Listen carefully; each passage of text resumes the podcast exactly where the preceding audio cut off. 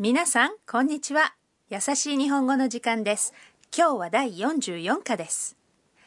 أهلا بكم مستمعينا الأعزاء في الدرس الرابع والأربعين من دروس تعلم اللغة اليابانية التي تأتيكم من راديو اليابان الدولي ل NHK World هذا البرنامج من تقديم كريم السمني ワーレンダジアで今日も一緒に楽しく勉強しましょ والجملة الرئيسية اليوم هي 和菓子を食べてから抹茶を飲みます。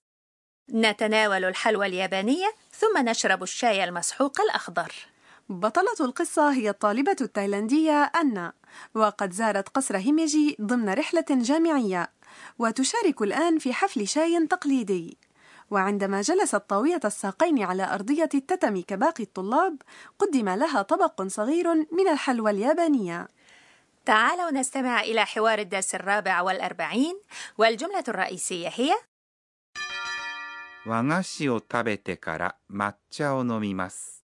نتناول الحلوى اليابانية ثم نشرب الشاي المسحوق الأخضر 和菓子はとても甘いですね和菓子を食べてから抹茶を飲みます抹茶は苦いかもしれません先生足がしびれましたいたたたた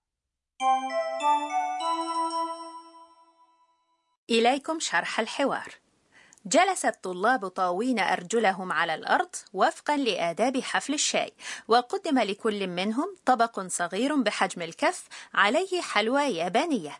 كانت أول مرة تتناول فيها أن الحلوى اليابانية وذكرت انطباعها هكذا.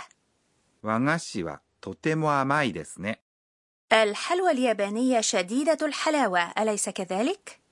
وغاشي هي الحلوى اليابانية واللفظ؟ و. الذي يضاف إلى الأسماء يعني أن ذلك الشيء ياباني. فهمت. لذلك يسمى الطعام الياباني واشوكو.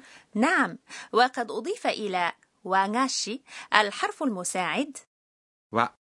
لأنه الموضوع الرئيسي للجملة. توتيمو. هو حال معناه جدا 甘い هي صفة معناها حلو والجملة المثبتة في الكلام المهذب تنتهي باللفظ です。 وأضيف إليه الحرف ね。 في آخر الجملة لحث الآخر على الموافقة في الرأي.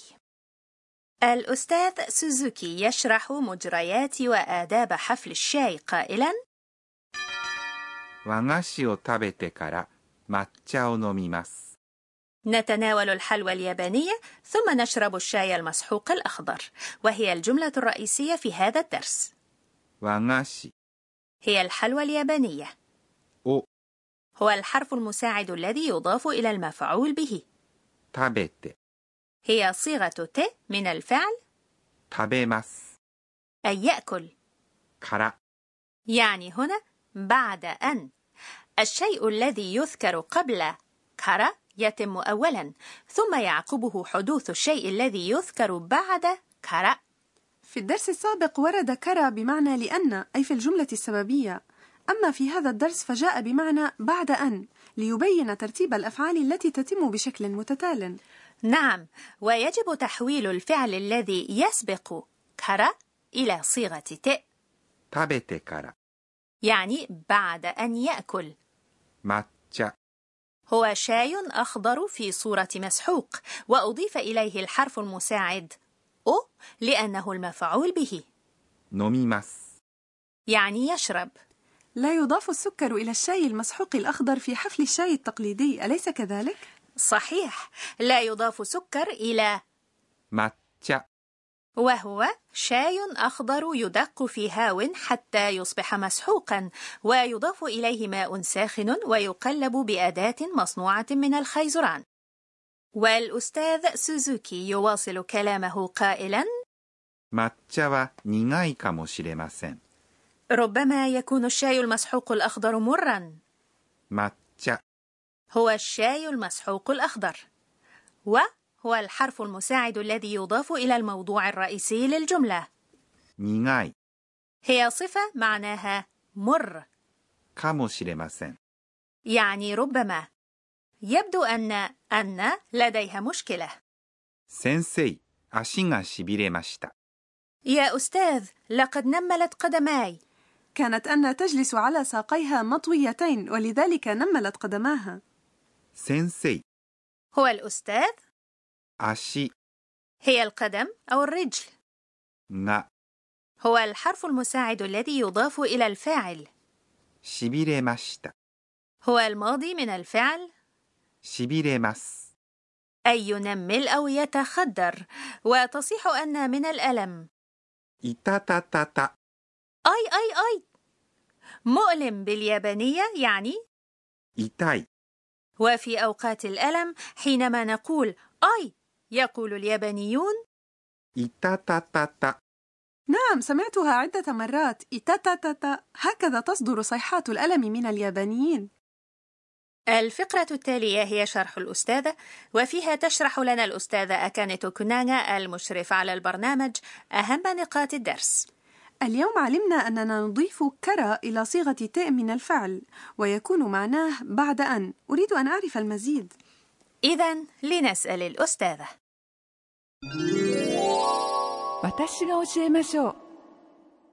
تقول الأستاذة كنانا: علمنا في الدرس السادس عشر أنه عندما نذكر فعلين متعاقبين أو أكثر في جملة واحدة، نحول الفعل الذي يتم قبل الآخر إلى صيغة ت.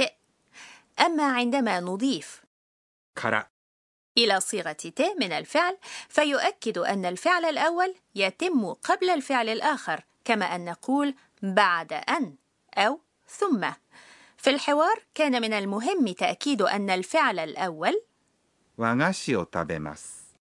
أي يأكل الحلوى اليابانية يتم وينتهي قبل أن يبدأ الفعل التالي وهو ماتشا أي يشرب الشاي المسحوق الأخضر وبالتالي أضيف إلى صيغة ت من الفعل الأول اللفظ كارا 和菓子を食べてから抹茶を飲みます。 نتناول الحلوى اليابانية ثم بعد ذلك نشرب الشاي المسحوق الأخضر ويمكن استخدام كارا عند الإجابة عن سؤال متى ستتناول الغداء؟ لنفترض أنك تريد أن تقول سآكل بعد أن تنتهي المذاكرة المذاكرة هي 勉強 ينتهي يعني 終わります。 وصيغة ت من الفعل هي 終わって、 يأكل يعني 食べます。 والجملة كاملة هي 勉強が終わってから食べます。 مع فقرة شرح الأستاذة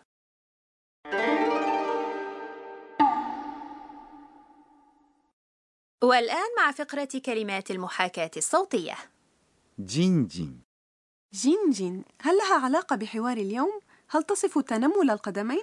نعم عندما تنمل القدمان أو اليدان بشكل مؤلم نستخدم هذه المحاكاة الصوتية وماذا عن هذه؟ びりびり هذه الكلمة びりびり. تصف الإحساس الذي يسببه التكهرب أو الآلام التي تشبه ذلك الإحساس.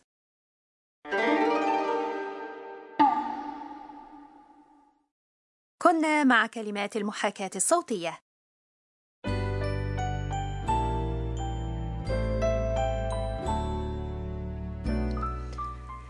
آخر فقرة في الدرس هي تغريدة أنا التي تتذكر فيها أحداث اليوم.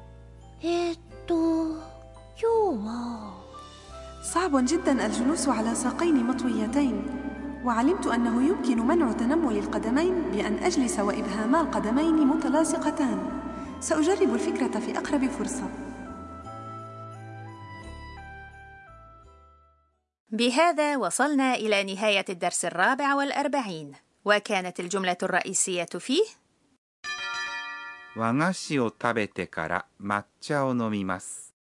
نتناول الحلوى اليابانية ثم نشرب الشاي المسحوق الأخضر في الدرس القادم سنلقي نظرة على حفل عيد ميلاد أن وحتى ذلك الحين إلى اللقاء من راديو اليابان الدولي NHK World سايونارا